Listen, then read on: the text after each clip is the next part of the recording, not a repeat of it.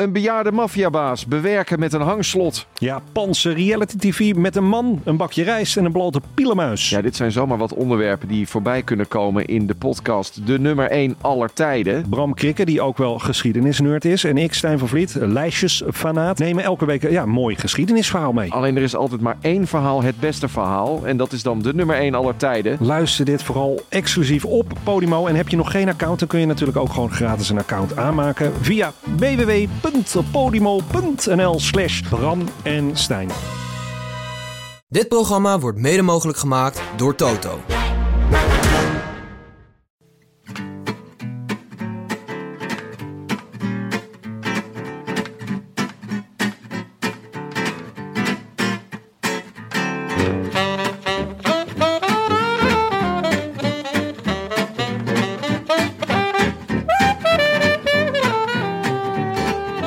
Het is woensdagavond 15 september 2019 en we zitten midden in het WK wielrennen in Yorkshire.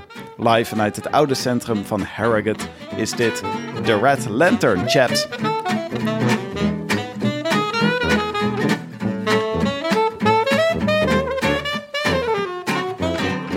Wie weet, wie weet, wie weet, wie weet, wie weet waar Rohan Dennis is. Dat was de vraag die menig bankzitter zich afvroeg halverwege de twaalfde etappe van de Tour de France.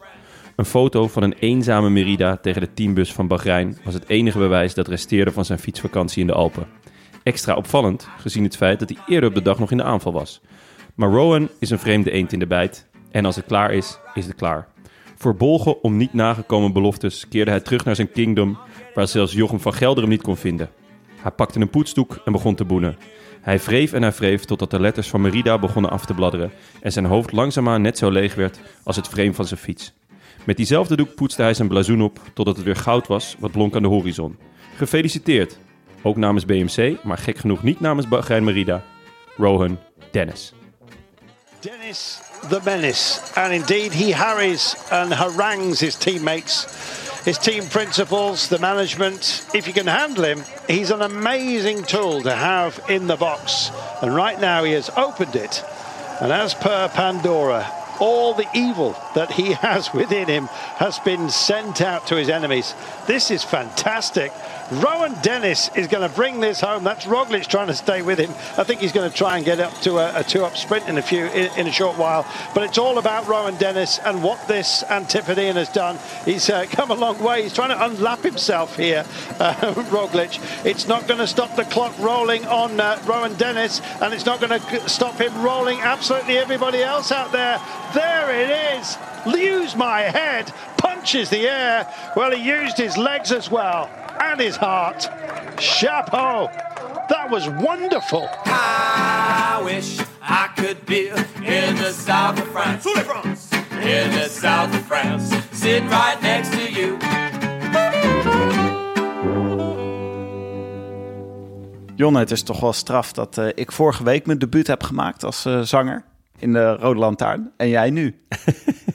ja, uh, maar... klonk goed hoor. Ja, nou dankjewel. We hebben ook nieuwe zangmicrofoons. Misschien dat het daaraan ligt. Ja, het zijn, onze, het zijn inderdaad nieuwe microfoons. En dit is een modelletje zangmicrofoon. En toen dacht jij gelijk, ik ga gewoon... Uh, ik, uh, ik, dat was Willem Wever, was dat toch? Ja, zeker. Met uh, Jochem van Gelder. Ja. Die, die, presenteerde dat toch? Ja. Nee, het is nog steeds. Bestaat Willem, dat nog? Het is nog gewoon nog steeds op tv. Weten ze nog steeds niet waar hij woont? nee. Dat kan je toch gewoon googlen? tegenwoordig. nou, dit is, ik heb toevallig hoorde ik afgelopen week op de radio dat ze aan hun zestiende seizoen of zoiets beginnen. Meen je niet? Ja. Ook met Jochem van Gelder? Nee, nee. Doet hij nog steeds alsof hij uh, 12 is? Ik denk dat niemand weet waar hij is. maar je had dus ook kunnen zingen: 1 Dennis bier, 2 Dennis bier. 1, 2, 3, 4 Dennis bier. Ja, zeker. Rondjes die loop je niet. Rondjes die fiets je. Nee, rondjes die geef je. Dat was toch oh, de tekst? Ja, ja, ja, pardon. Ja, ik zit nog even in ja. tijdritmodus. Ja, snap ik. Overigens heeft jouw zangdebuut heeft mij alleen maar ellende opgeleverd. Wat dan? Hoezo? Nou, omdat jij uh, je uit het niks een nummer van de Beatles begon te zingen, wat ik mede door jouw vocalen niet gelijk als zodanig uh, herkende, uh, ben ik beschimpt en, uh, Penny Pot Lane. Inderdaad. Ik ben, ik ben afgeschilderd, in, uh, ook in onze appgroep, als, een, uh, als iemand zonder, zonder muzikale opleiding. Als een barbaar. Als een barbaar, inderdaad. Ja, het was ook wel een beetje zo. Want ik deed echt, ik bracht prachtig ten gehore. ik keek me gewoon glazig aan. Ja, ik was, ik was zondag ook niet in vorm. Ik kwam er niet uit. Nee. Slechte verhalen zonder eind.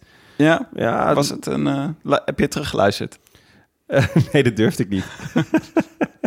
Oké, wacht. Even naar de orde van de Ja. dag. Want wij zijn dus niet, zoals gebruikelijk, in onze studio in het eh, Vondelpark in Amsterdam. Of Nee. op onze bank in Amsterdam-West. Maar we zijn in Engeland. Ja, in Yorkshire. Yorkshire. Super vet. En eh, helaas zonder Willem nog. Want Willem die komt samen met Leon van Het Koers vrijdag. Ja, die gaan lekker... eh, die komen zwemmend. Die komen zwemmend. Op de, ja, wie bedoelt of dat zo hard gaat regenen? Daar hoop ik wel op, ja. Zij gaan met het eh, oranje peloton van de Nederlandse Loterij fietsen. En wij zijn alvast vooruit gegaan. Eh, en, eh, want wij wilden graag de tijdrit zien vandaag. Nou, op verkenning, toch? Op verkenning. Gewoon een parcours verkennen. En Moet, ik- eh, dat moet bij, bij een podcast net zo goed. Jij werd dus belachelijk gemaakt afgelopen week vanwege Penny Lane. Mhm. Ik werd belachelijk gemaakt dat ik een zonnetje voorspelde in een week die in het teken staat van diepe ellende en regen. Ja, Maar eh, wij kwamen hier aan vanmiddag eh, met de trein. We waren eerst naar Manchester gegaan, toen met de trein eh, eh, naar eh, Harrogate. Of Harrogate, we weten nog steeds niet. Het schijnt een beetje ook hier onder, eh, het schijnt hier ook een beetje dispuut te zijn in Ja, het dorpje hoe je het uitspreekt. die, die, die conducteur die zei gewoon Harrogate. Ja, maar die conducteur die kwam hier niet vandaan. Ik of vond tenminste, dat hoeft niet. Oh, dat zou kunnen. Maar ik vond het heel raar dat jij hem niet verbeterde. Ja. Ik dacht, je klapte gelijk op. Um, excuse me, sir. Do you mean Harrogate? dat had ik inderdaad. maar wij kwamen aan en eh, wij lopen het station uit hier. Zonnetje hoor. Ja. Nou ja, ik, ik moet jou daar wel wat eh, credits voor geven.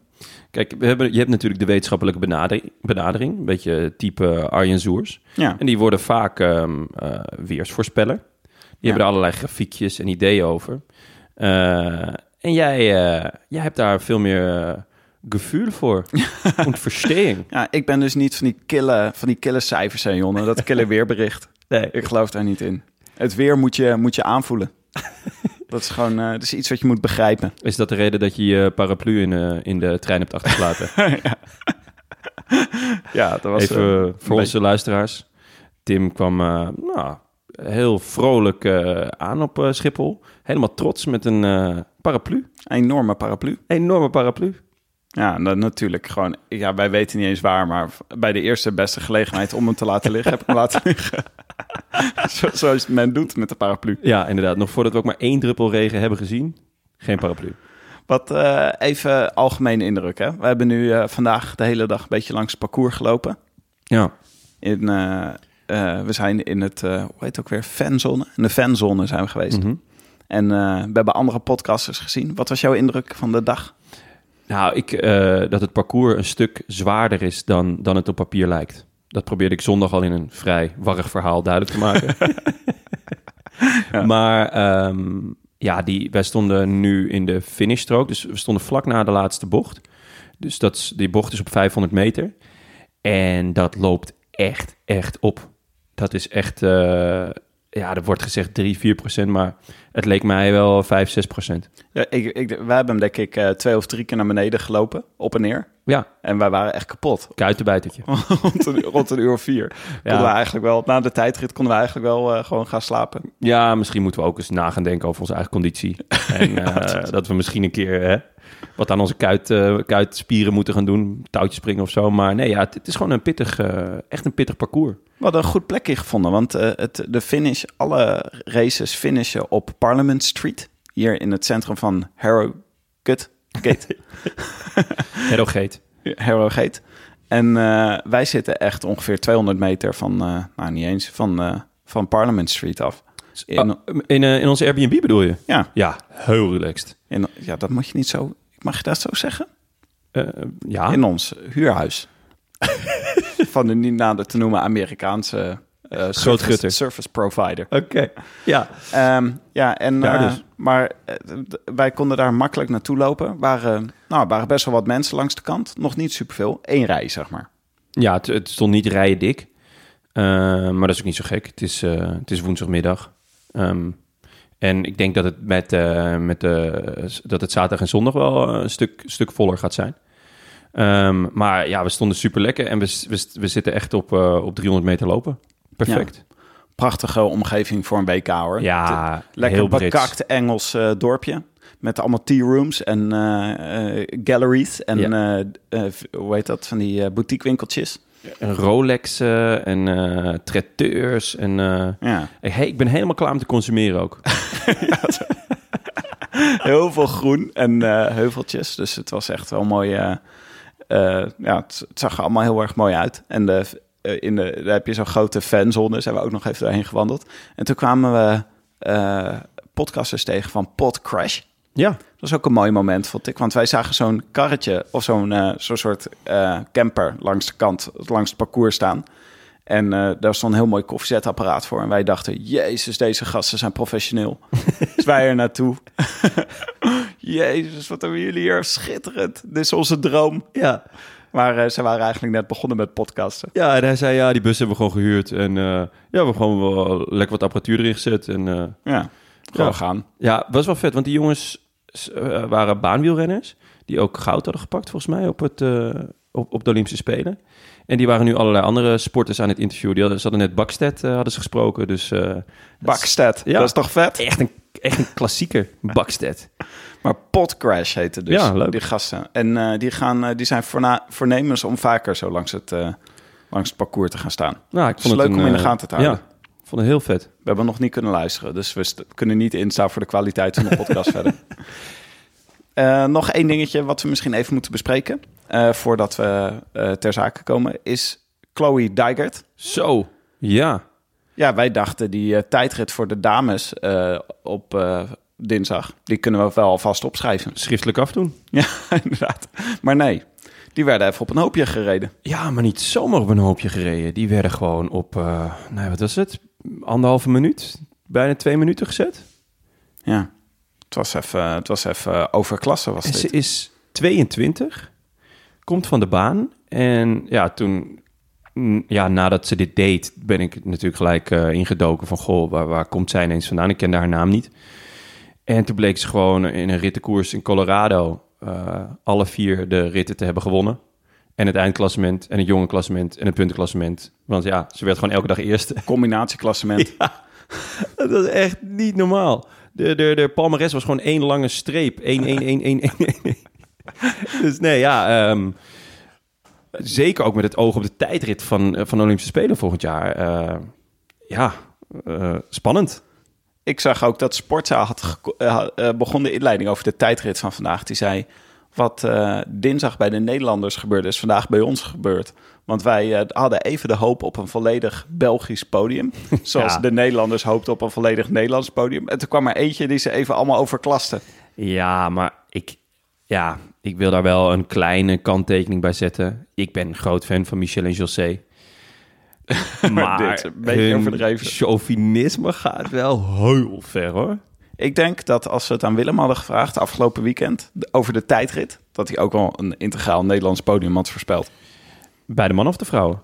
Zo, nou ja, Allebei. Allebei vermoedelijk. maar in ieder geval bij de vrouwen. Ja, maar Willem is het ook al jaren kwijt, hè? Dat kunnen we nu rustig zeggen, want hij, eh, hij zit aan de andere kant van de zee. Hij is heel ver weg. Ah, die man, wat die allemaal loopt te doen de laatste week. Ik was niet in vorm zondag, maar Willem, jongen. Over Willem gesproken, laten we naar de rectificaties. Ja, nou, daar gaan we alweer. Oh nee, de eerste is voor jou. Hè? Daphne Kuilenburg, die mailde Nou. ons. Ja. Is Nee. die van mij? Ja, die, die zegt namelijk... Hey Jonne, Ah, dat is wel duidelijk, ja. sinds wanneer ben je een oudje als je tussen de 45 en 50 bent? Vino en Chalabert, bewijs maar weer dat dit relatief is. Want we hadden het over Vino en Chalabert die eh triathlons deden. Niet zulke botte triathlons als we verwacht hadden.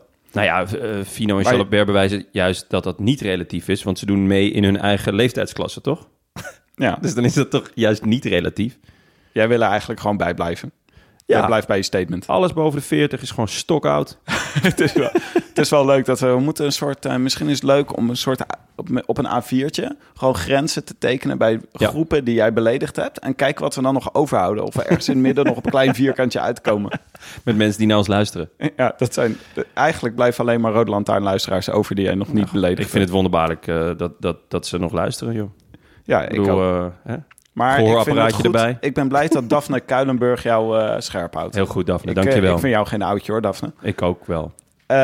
Goed, Tristan Bos. Die zegt, eh, in de podcast werd gezegd dat zowel de Nederlandse mannen als de Nederlandse vrouwen de snelste tijd hadden neergezet bij de mixed relay. Nu snap ik de verwarring, want eh José zei het op Sportza ook. En José heeft per definitie gelijk. Want Vlaamse halfgod. Goed gezegd door Tristan mooi, Bos. mooi gesproken. Alleen de Duitse mannen reden eigenlijk harder dan de Nederlandse mannen. Ja. Dat hadden we even over het hoofd gezien. Ja, dat eh, was door de tussentijden. Die, dat, omdat die een langzame eerste tussentijd hadden, geloof ik, was het niet helemaal duidelijk. Nou, het is eh, moeilijk te zien, omdat het een, eh, omdat het een soort estafette is. Ja, dus en- je, gaat, je ziet niet, eh, als je naar de tussentijden kijkt, dan moet je even terugrekenen wie op het tweede stuk welke tijd heeft gere- gereden. Sowieso was het enorm wennen met dit onderdeel. Maar de Duitsers waren dus sneller dan Ja. de Nederlanders. Met Tony Martin. de Tony de Panzerwagen. Die zagen we vandaag voorbij komen. Wat een benen. Ja. Ja, maar zo, we gaan, laten we zo meteen even Oh ja. over die benen praten Ja. die we allemaal gezien Zo. hebben. Want lieve hemel, Luxe die eh, benen. bovenbenen die, Ja. die ze allemaal hebben. Dat daar nog spijkerbroek omheen passen in een vrije tijd. Ongelooflijk. Eh, we hadden ook nog Arjen de Wit. Die zei, hoe zit dat met die sluikreclame? Zei, schreef, schreef hij, eh, nou terecht. Want hij zei, in de aflevering met Leontien van Moorsel ging het alleen maar over Ben van der Valk. Maar wij zeggen, onze, onze regel in de Rode Lantaarn is... wij zeggen als we reclame maken ergens voor... of als een boodschap van een adverteerder komt. Dus als het over Van der Valk gaat... en wij zeggen er niet bij dat het een advertentie is... dan is het geen advertentie. Dus dit was gewoon was geen sluikreclame. Nee, ja, eh Leontien, dit, dit verhaal is haar verhaal. En ja, daar hoorde dit bij. En ja, we zaten daar toevallig, dus ja. Ja, en wij eh, vinden Van der Valk gewoon vet... omdat wij op een bordje stonden. Namelijk bij Conference Room 5 stond de Rode Lantaarn. Ja, dat was wel genieten, ja.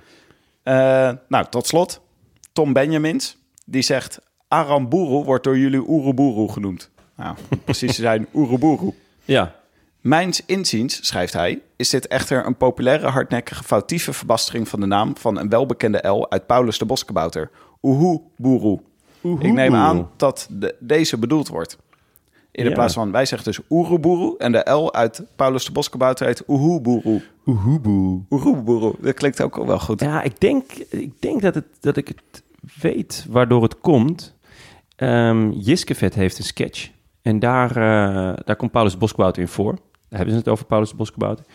En ook Oeroboe. En zij noemen hem zo. Dus ik denk dat, eh, dat het daardoor komt eh, Ah. dat we hem zo hebben opgepikt. Daar de spraakverwarring is ontstaan. Ja. Ik dacht eigenlijk dat we het vooral deden omdat het zo lekker bekakt klinkt. Nou ja, en terecht. Ik blijf het ook zeggen hoor. Want Oeroboeroe klinkt gewoon... Oeroboeroe klinkt veel lekkerder.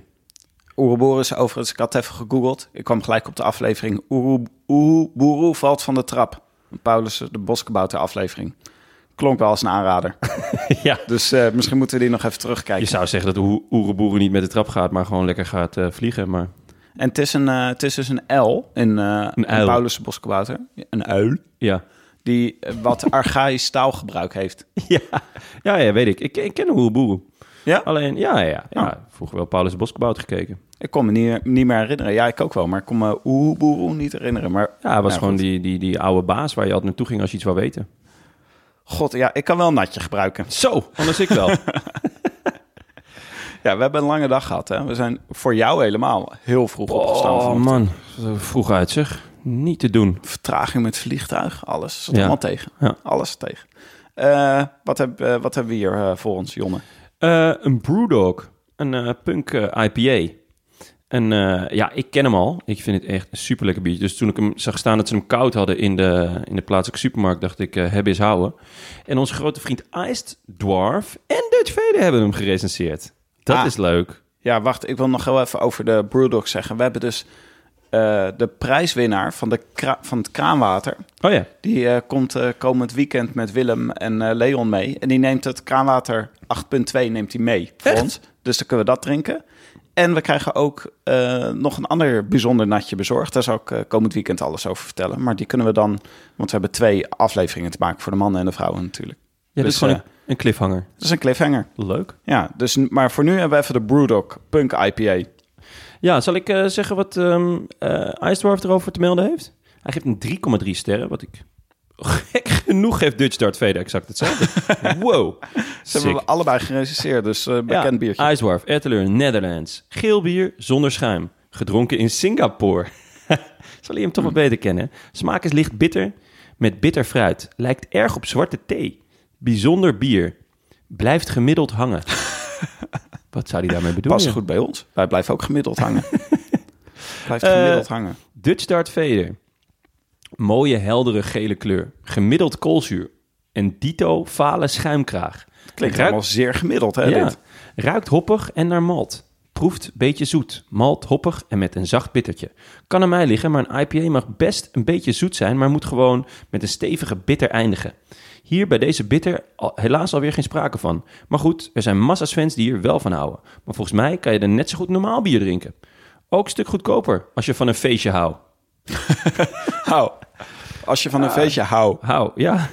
ah, dit soort veder denkt ook aan de portemonnee. Dat vind ik fijn. Als je van een feestje houdt. Ja.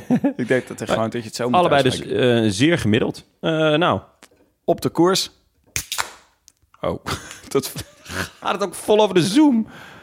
Tim, jongen. En dan ook, ook opdrinken. Ja, ik moet eh, even het schuim opdrinken. Hebben maar we- hebben we een doekie? Nou, het gaat wel goed hoor hier. Ja.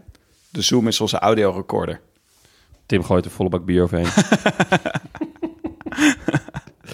Oké. Ja, we zijn, we zijn op locatie. Hè. Dit is allemaal, het is allemaal improviseren. Ja, het is allemaal improviseren met onze zangmicrofoons. Ja, laat ik dan even het parcours introduceren, oké? Graag. Kan jij hem ondertussen even de Zoom eh, droog deppen of zo? Ik ga, mijn- ik ga mijn best doen. Een tijdrit van 52 kilometer. Dat is best lang. Dat, dat is echt meer dan bijvoorbeeld eh, die tijdrit die Tom Dumoulin won in Bergen. Die was ergens in de 30 kilometer. Daar werd meer geklommen dan vandaag. Maar dit was echt een, eh, een lange tijdrit. En daar moest je echt op voorbereid zijn. Er zaten geen echte beklimmingen in. Althans niet zoals we komend weekend beklimmingen hebben. Maar het was glooiend. En verraderlijk glooiend. Eh, de eerste 15 kilometer is vlak. Daarna kwamen ze bij het gebied rondom Masham. En daar begon het eh, klimmen en het zigzag en het op en af. Eigenlijk tot aan de finish. Want wij stonden dus bij de straat waar de finish was. En daar was zelfs nog een behoorlijk pittig klimmetje. De bocht om en dan eh, recht omhoog. Dus we konden iedereen lekker zien, eh, zien leien. Ja, nee, het, viel me... Die, nou, dat zei ik net al, die, die laatste 500 meter... viel me echt ontzettend op hoe, hoe stijl dat was. Terwijl dat in het, in het routeboek niet per se als zodanig wordt aangeduid. En de lengte, ja, 54 kilometer. Dat eh, hebben we echt ook in een grote ronde al heel lang niet gezien. Even kijken, die, die laatste tijdrit in de Vuelta was 36, 38 kilometer, zoiets. Hmm. Ehm, ja, dit is, dit is eh, no- echt nog een stuk langer. Ja. En daardoor waren de verschillen ook echt enorm. Daar moet je wel op voorbereid zijn. Want het was sowieso een beetje moeilijk om je op voor te bereiden. Er was heel veel regen voorspeld. Twee dagen geleden zagen we nog die renners bij de junioren... die die plassen inreden. En ogenblikkelijk omvielen. Gewoon door hoe diep die plassen waren. Ja, er was één jongen, hij reed in het rood. Ik weet even niet van welk, eh, van welk land hij was. Maar die reed inderdaad vol in zo'n plas en die ging ook onderuit. En er was een stil van het filmpje en die, die werd gedeeld. En dan zie je hem ook echt naar ademhappen. Waarschijnlijk omdat hij net gewoon een volle teug regenwater in zijn bakken heeft gekregen. Gewoon en vallen en kopje ondergaan. Ja, nou gelukkig was het wel allemaal zonder erg. Ze konden allemaal hun, eh, hun weg vervolgen. Maar eh, ja, het, het was totale chaos. Ja, en dat had vandaag natuurlijk ook gekund. Nu viel het wel mee. Het was eh, een beetje een zonnetje dus. Ja. Sommige delen van het parcours waren nog best wel nat. Dus dat was ook, maakte het ook niet Ja, makkelijk. het gerucht ging dat Tony Martin een, een persoonlijk plaatselijk buitje had eh, gehad. Hoe bedoel je? Ja, dat kreeg ik door. Dat is Tony in... Is die de enige die Ja. even in de regen heeft Ja, gereden? Ja. Dat is toch ook vervelend? ja. Dat is een pech. Dat is een beetje zo'n eh, eh, zo eh, zo'n tekenfilm waar je als enige Ja, zo'n wolkje ja. boven je hoofd hebt. Zo, wat, dat Wiley I- had dat al. Oh, dan moet Tony Martin dat weer overkomen. ja, echt pech. Nou, laten we bij het begin beginnen. Yes. Wij- kwamen aanlopen en wij zagen de eerste renner finishen. Dat Ja. was eigenlijk, we vielen met ons neus in de boter. Ja, zeker. We zaten met een eh, heerlijk pizzaatje en een eh peronietje. Eh, toevalligerwijs zaten we eigenlijk gewoon op, op eh, 100 meter van de finish. Zo, dat was een heerlijk pizzaatje. Zo, oh, heerlijk. Gaan we morgen weer halen. Het was ook, weet je wat, ik ben ook, ik ben wel eens vaker bij het WK geweest. En het was eigenlijk best wel rustig.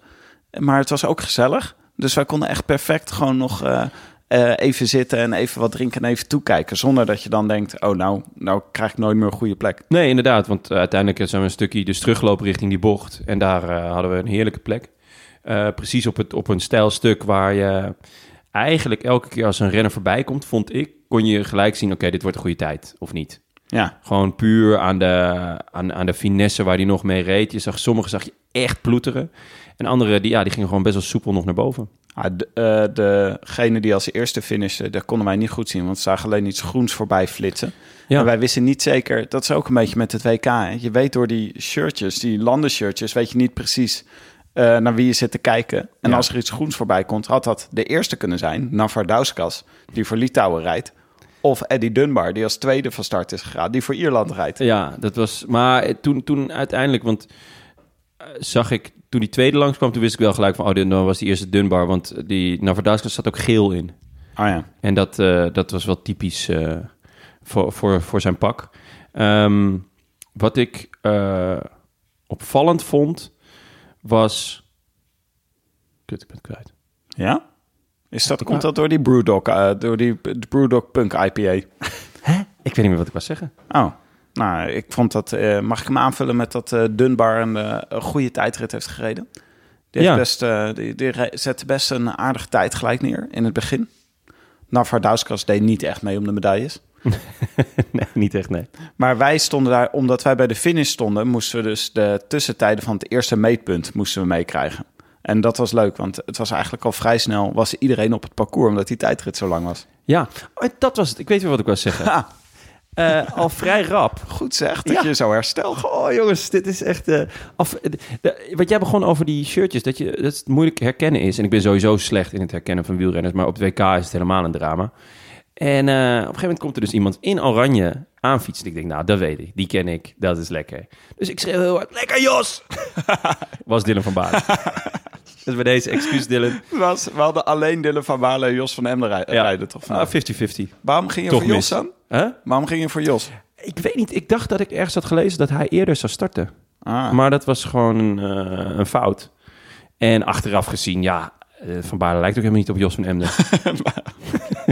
wel, wel balen zeg. Heb je net dat laatste zetje heb je nodig? Roept iemand heel hard. Kom op Jos! Ja.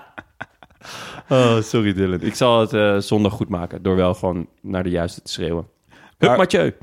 ja, ja, inderdaad. Naar, naar Dylan. Nee, naar Jos. Ah ja, ja precies. Eh, wij, stonden, wij hoorden ondertussen de resultaten van het eerste meetpunt hoorden binnenkomen. En toen was het eigenlijk al eh, gelijk was het een beetje duidelijk wat dit voor race ging worden. Want eh Evenepoel had echt heel hard gereden Ja. op dat moment. Of nou ja, die, die had heel hard gereden. Kampenaerts gingen heel hard van start. En Lampaard niet, volgens mij, toch? Lampaard, nou ook wel. Ja? Zeg Ja, maar. ging ook. eh, Was ging, het eerste tuss- tussenpunt nog goed? Ja, nou, hij ging, eh, hij ging zeer redelijk van start. Maar hij schijnt echt dus, toen hij gevallen is, schijnt hij echt over de kop te zijn gevlogen. Hij is echt hard gevallen. Maar achteraf zei hij dat het allemaal wel meeviel. Maar dus zeg maar de droom van José, eh, dat volledig, voor een volledig Vlaams eh, Belgisch podium. Dat zat er niet in. Nee, zat er niet in. Ehm, Wie ook niet goed was trouwens, gelijk bij dat eerste tussenpunt. Roglic. ja, Ja, dat was echt... jammer hè. Dan heb je, hebben wij hem nog helemaal niet gezien. We hebben zo'n hele dag gereisd. We staan langs het parcours, staan helemaal klaar voor Roglic. En we hoorden al dat hij op dat moment al meer dan 40 seconden Ja, op, eh, toen nog op Evenepoel. En toen moest eh, Dennis nog komen. En die had na het eerste tussenpunt had hij al eh, bijna een minuut op hem. Dat was echt niet normaal. Ja. Dus toch misschien... eh Roglic zei achteraf, zei hij... ehm, dat hij hier niet helemaal op voorbereid was op zo'n lange tijdrit. Dat hij zei dat hij, hij zei dat hij ook wel moe was van de Vuelta. Maar hij dacht, eh, ja, het is toch een beetje... Hij is gewoon een, een goede tijdrijdende klassementsrenner. En hij dacht van ja, het zou best mee kunnen vallen, maar het viel dus niet mee. Nee, hij zei ook, ik, ik heb gewoon ook wel genoten van mijn Vuelta-overwinning. Kijk, Ja. hij, is, eh, hij is natuurlijk hij is net vader geworden. En, eh, Oh ja? Ja, ja, een paar maandjes geleden. Oh, en, ehm, vlak voor, niet vlak voor de Vuelta dan? Of? Ehm, vlak voor de Giro, volgens mij. Ah, Dus, ehm, en je bent toch lang van huis met allerlei eh trainingsstages en, eh, en dan de Vuelta. En die wint hij. En hij heeft het gewoon van genomen. Dat zei hij ook. Ik, heb, ik, heb, mm, ja, ik ben gewoon heel ontspannen nu. eh, en ik heb genoten, want ja, ik heb de Vuelta gewonnen. Dat, dat, dat is heel mooi. Dus dan, dan, dan kan het een beetje twee kanten op. Of je, je, je leeft op die high en je gaat lekker doortrainen... en je beukt ook nog een wereldtijdrit eruit. Of de spanning is er echt af en je denkt... nou, ik zie wel op die tijdrit wat er gebeurt. En daarvoor was deze tijdrit zeker te lang en te moeilijk... om gewoon ehm, op, op souplesse, zeg maar... eh, hem, hem uit te rijden en dan ook gewoon heel goed te rijden. Ja. Uiteindelijk wordt hij twaalfde. Nou, het is ook niet eens een heel slechte tijd. Ik bedoel, 41 seconden achter liggen op mensen die een hele jaar hebben afgestemd op zo'n tijdrit. En Ja. hij komt net uit de Vuelta. Maar wij hoopten natuurlijk, we hadden hem echt eh, met eh, dikke letters hadden we opgeschreven. Ja, het, wa- het was wel echt een parcours voor hem, ja. Ja. Maar dat eh, Rowan Dennis zo goed was, dat bleek ook al gelijk. Want hij reed gelijk bijna 20 seconden sneller dan de rest bij dat eerste meetpunt. En- Ja, En het leukste was, de, eh, de grote roddel die natuurlijk het eh eh, Rowan Dennis, rondom Rowan Dennis hing, was op wat voor fiets zat hij dan? ja hij was zwart. De fiets was zwart. Het was geen eh, Merida in ieder geval, waar hij zo ontevreden over was tijdens de Tour. Ja, nou ja, de, het, het is een lang verhaal. Ik, ik stip het ook al even aan in, in, de voorbe in mijn, in mijn intro. Hij is naar Bahrein Merida gegaan nadat hij vorig jaar bij BMC zat. En daar werd er heel veel tijd en aandacht besteed aan, eh, aan, aan de tijdrit en ook aan de tijdritfiets. En nou, we hebben het ook best wel vaak over gehad dat we hoopten dat hij naar Sunweb zou gaan. Omdat, ja, dat is eenzelfde soort team dat ook veel aandacht daar, eh, aan besteedt. Aan, eh, aan materiaal ook. Maar ook, hij wou ook een klassementsrenner worden. Dus het leek ons heel logisch. Maar uiteindelijk is hij voor Bahrein gegaan. Toch een, Op wat voor fiets rijdt Sunweb ook weer? op... ehm, Die zitten niet meer op, eh, die hadden Giant altijd. die reden Giant, maar dat is nu... Ik weet het, ik heb hem Ja, ik weet het wel. Ehm Cervelo. Ja, juist. het lag ook op het puntje van mijn tong. Ja. Goed dat je dit gewoon, eh, dat je dit gewoon hebt uitgezeten. Soms moet het gewoon even komen. Denk je dat we onze luisteraars dit aan kunnen doen? Ja, tuurlijk. Deze stilte? Tuurlijk. Dat het niet ongemakkelijk is? Zoals het... Ik denk dat een heleboel mensen wel nu achter, in hun, achter een eh, stuur zaten op de autoradio naar deze podcast zaten te luisteren. Zeiden, Cerveno, Cerveno, sukkels. maar die Merida was hij dus super ontevreden over Nou ja, tijdens het deze is, tour. ja hij, eh, hij heeft dit jaar, eh, hij heeft vorig jaar alle vlakke tijdritten die hij heeft, tijdritten die hij heeft gereden, heeft hij gewonnen. En dit jaar heeft hij er één gewonnen in, eh, in de Ronde van Zwitserland. En voor de rest eh, heeft hij echt slechte tijdritten gereden. En dat begon eigenlijk al eh, helemaal aan het begin van het seizoen bij het Australisch eh, kampioenschap. Daar werd hij tweede. Dat is natuurlijk heel raar. Dat was echt al een veegteken aan de wand. Ehm, en er gingen dus steeds sterkere geruchten dat hij niet tevreden was over het materiaal, over zijn tijdritpak. Ehm, dus ja, het boterde totaal niet. En toen is hij tijdens de tour, tijdens een etappe, is hij gewoon verdwenen. ja, boos afgestapt. Vroeger noemden we dit eh, op straat. Ja, hij is me gewoon geboekt. Hij is mij gewoon Hij is hem geboekt. gewoon geboekt. ja, gewoon. eh, en, en later noemden we dat een Ho- Houdini. Ja. Dat je gewoon wegging, wegging zonder te groeten. Ja, op een feestje. Ja. Ja. Maar ja, Maar sindsdien ook, ik vind ook zo bizar dat in wielrennen kan dus zoiets gebeuren en nooit echt opgehelderd worden. nee. Dus het was echt gewoon, het is een beetje zo blijven hangen. Ja, en daarom, hij was ook een enorm vraagteken voor vandaag. Van wat, wat heeft hij gedaan de afgelopen maanden? Waar, waar is hij geweest? Eh, kan hij het nog? Want ehm, ligt het alleen maar aan het, eh, aan het materiaal? Of, of is, was hij ook gewoon bijvoorbeeld niet in vorm? Dat kan natuurlijk ook. En dat hij dan het materiaal de schuld geeft. Maar ik denk dat we vandaag wel hebben kunnen zien dat het toch wel aan het materiaal heeft gelegen. Ja, of het zal een beetje van beide zijn. Maar hij verscheen dus met een geanonimiseerde fiets, waarvan iedereen al gelijk kon zien dat het gewoon een BMC was. Zo, Ja. Het is een BMC Time Machine, heet hij geloof ik. Ja, het, eh, het deed mij een beetje denken aan, ehm, je had, eh, aan Pro Evolution Soccer. Die mochten dan niet de echte namen eh, gebruiken van voetballers. Oh ja. Dus dan in plaats van Roberto Carlos deden ze al Roberto Calros. Dus dit was dan een BMS of zo, weet je wel. Zo'n zo'n zo'n fiets was het. Patrick Huivert, weet je wel. Dat is het... eh, BMS. Nou, het was, Ja. een, was een goede BMS. Waar ja, dat was zat. echt een prima Want we BMS. konden het gelijk al zien. Hij ging echt huishouden hier vandaag. Ja, Dus Ja. dat, dat is echt... eh, het is ook altijd wel jammer hè, voor zo'n tijdrit... dat je helemaal zin hebt in een spannende ontknoping... en dan bij het eerste meetpunt is het eigenlijk al wel duidelijk. Nou, wij zaten toen nog op dit punt... dachten we, nou, 1 en 2 wordt waarschijnlijk Evenepoel en eh Rowan Dennis. En nummer 3, Oliveira, had, hadden we het toen over. ja. Of ehm, wie, had het, wie stond er toen nog bij?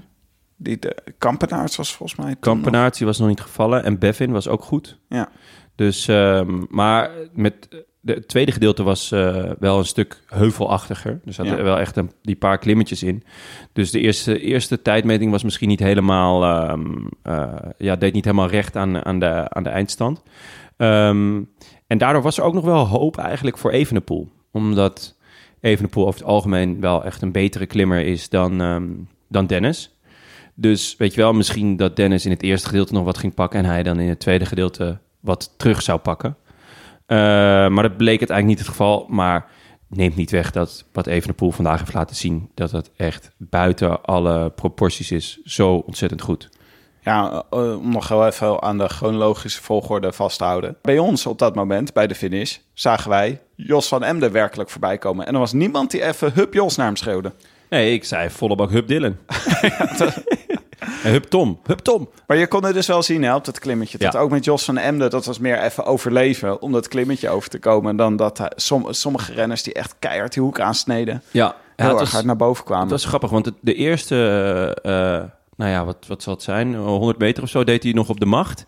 En daarna moest hij echt werken om, eh, om, om, die, om dat laatste stuk nog, eh, nog op te, te ploeteren, zeg maar. Het was sowieso wel een beetje een terugmoment in de koers. Want eh, wij hoorden ondertussen van de valpartij van eh Kampenaerts en Lampaard. Ja. En wij zagen de Syriër Nazir Yasser of Yasser Ja. eh, voorbij komen. En die was helemaal bont in blauw, zeg. Zo, ja. Die kwam ook echt de heuvel op fietsen. Dat, dat was echt, dat zag er niet meer uit. Die had zoveel pijn. Het was duidelijk eh, dat hij uit Syrië kwam. of mag ik dat niet? Gaat dat te ver? Ik slikte hem nog in net. Maar oké. Ik vond het wel vet dat er een Syriër was. Ik bedoel, voor de Keniaan werd hij echt een soort staande ovatie. Dat was een Ghanese. Oh, Ghanese. Voor ja. de Ghanese, ja. Ja. Dat was echt genieten. Die, die werd ook uiteindelijk laatste, volgens mij. Op een half uur of zo. Ja. Ehm, maar die kwam voorbij echt in een prachtig pak. En hij ging langzaam, jongen. Christopher Simons. Ja, hij ging, hij ging echt langzaam. En, maar daardoor konden we ook extra lang applaudisseren. ja, dat Dus er kwam echt zo'n golf van enthousiasme. Van, come on, jongen. Iedereen had ook het gevoel, hij heeft het nodig. ja, het was, eh, ja, dat was, eh, het is ook dat na- natuurlijk even de tijd uitzingen. Want we waren allemaal aan het wachten op de, eh, hoe het verder ging met Evenepoel en eh Rowan Dennis. Ja, en ondertussen was ehm Filippo Ganna ge- de- gepasseerd. En dat zag er wel gelijk uit van, oh, daar zit, daar zit echt wat op. Ja, ja die ging echt, eh, de beklimming ging die te lijf. Met, ook al was hij heel erg groot. Ja, dat, was, dat is dus een heel andere, andere stijl. Want Evenepoel, eh, die is echt super klein, maar dat is echt een soort, ja, hij deed me nog het meest denken aan een soort bommetje. Ja, Een bommetje op wielen. maar ontzettend dikke bovenbenen. Oh, niet normaal. Maar ook een heel groot, vierkant, massief bovenlijf. Eigenlijk meer ehm, het postuur dat je verwacht bij een klimmer. Bij Sprinter. Of eh, bij een sprinter, Ja. ja. En ehm, eh, dan had je Dennis, die zat er een beetje tussen. En heb je, had je eh, Ganna, dat was echt, echt een lange gast. Ja, En echt heel, een hardrijder lijkt me. hij zat ken hem heel mooi op zijn fiets. Ja, enorm talent. Italiaan, 23. En hij rijdt bij Ineos. Oh, Ineos heeft hem alweer te pakken. Ja, ja, ja zeker. Ineos heeft natuurlijk een, heeft een enorm zwak voor, eh, voor, voor hardrijders. En eh, volgens mij kan hij ook nog wel een beetje klimmen. Maar daar, daar wil ik vanaf zijn hoor. Ik, ik weet dat niet zeker. Voor Eh. mij kwam hij eigenlijk best wel als een onbekende. Want hij heeft echt eh, een van de beste tijdritten heeft hier neergezet. En eigenlijk ook best wel constant hier. Ja, hij is voor mij niet helemaal een onbekende. Want hij, heeft, hij won de, de afsluitende tijdrit in de Binkbank Tour dit jaar. Dat was wel een heel korte. Eh, dus dat zegt dan natuurlijk niet alles. En die won hij voor eh, een andere Italiaan. Eduardo Affini. Oh ja, oh, die zag ik ook nog, ja. Affiniteit. Dus, die kwam vorige podcast al, of twee podcasts geleden kwam hij al ter sprake. Ook, eh, ja, enorm talent. En ehm, Nou, bij Italianen ineens hele goede tijdrijders. ja, dat is toch wel leuk. En hij is Italiaans, Italiaans kampioen ook. Dus eh, Dennis is eigenlijk is helemaal niet Australisch kampioen geworden hè, dit jaar. nou, hij is tweede geworden. Ja, was, Ja, daar begon dus alle ellende al. Helemaal eh, ja. aan het begin van het seizoen. Eh, een mooie finish was ook de finish van Dennis, vond ik hoor. Dat was, wij zaten daar zo op te wachten. En toen zagen we eindelijk de helikopter zagen we komen. Want die hadden we Ja. de hele dag niet gezien. Nee, raar. Het was, ja, het was, maar ineens kwam de helikopter. En toen kwam Dennis kwam om de hoek scheuren. En gelijk daarachter Roglic. Had hij in zijn wiel gezeten of zo. ik snap... De, ja, ik, dat is... Ik vond het ergens ook wel grappig.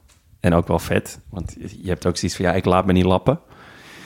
Want hij had hem best wel snel te pakken eigenlijk, Dennis. Ergens rond het tweede tussenpunt of zo. Maar dan daarna denkt Roglic ineens... ja, maar dat gaat me niet gebeuren. Dan ga ik gewoon op, op zeven meter schuin achter je rijden. Ja. Want je mag natuurlijk niet plakken bij een tijdrit. Dus eh, dan, dan, dan krijg je strafpunten.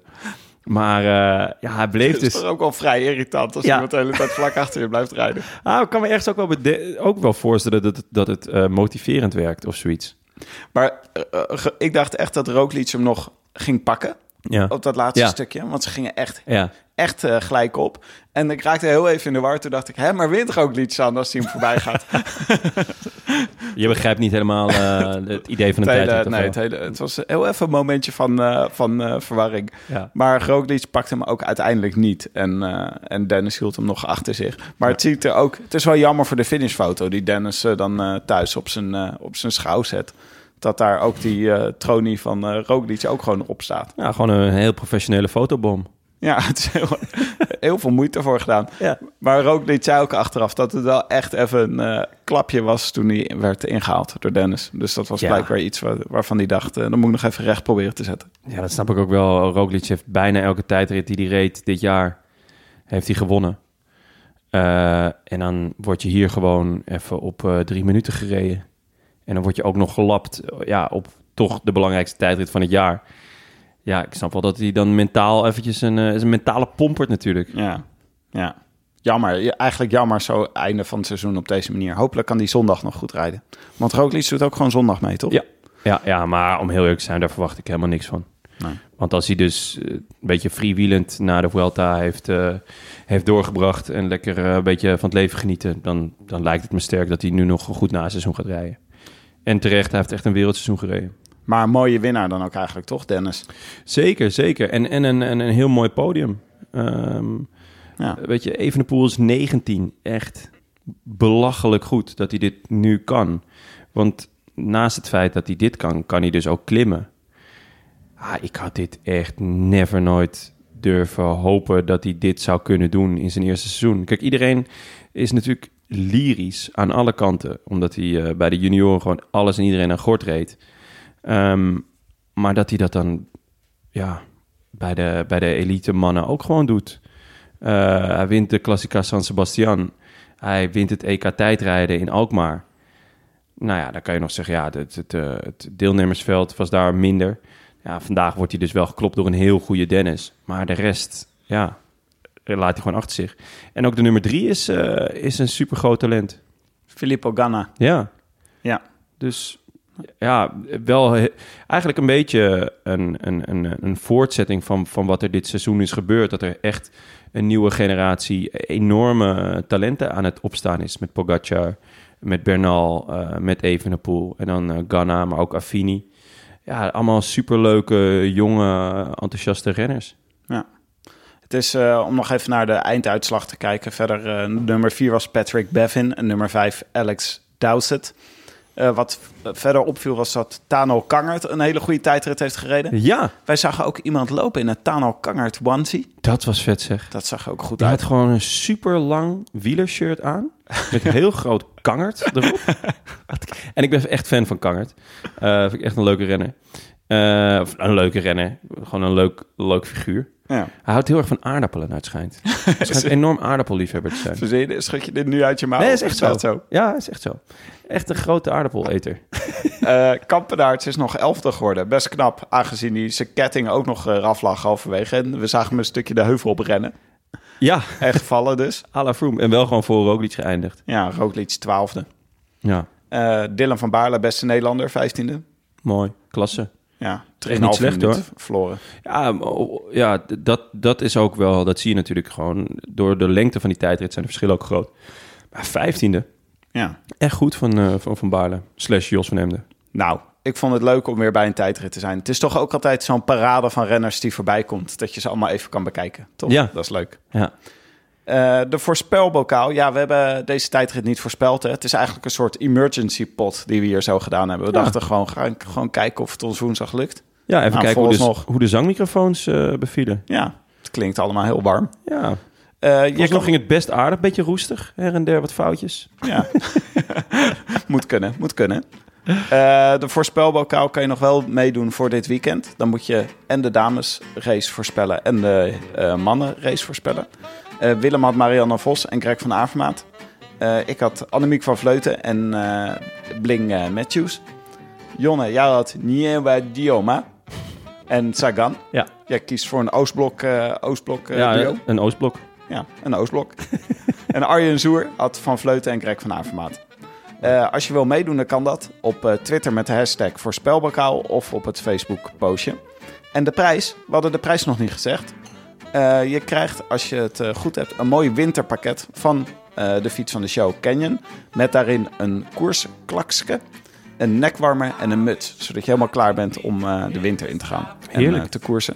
Plus een boek uit het wielerfonds van At- Atlas Contact. Zoals altijd. Leuk. Dus leuke prijzen.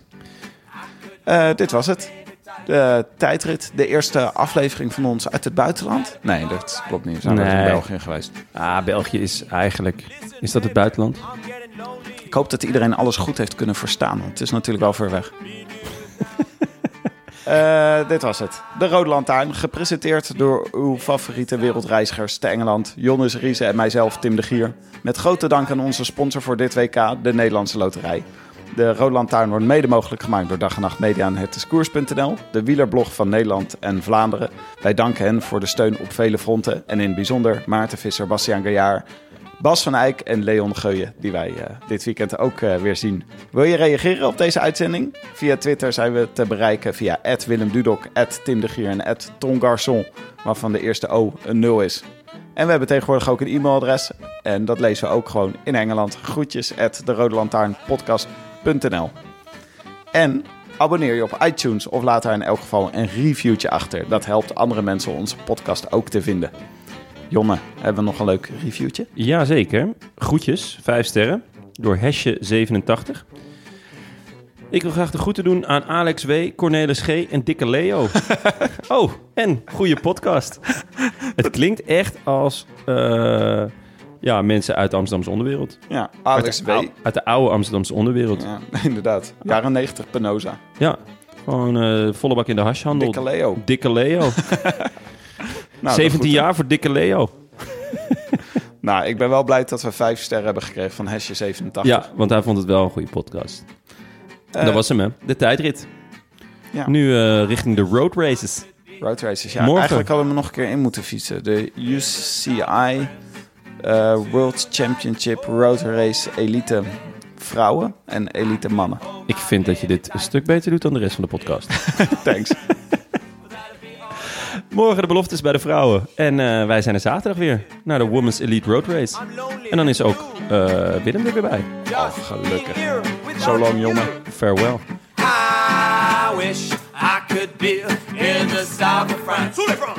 In the south of France, sitting right next to you.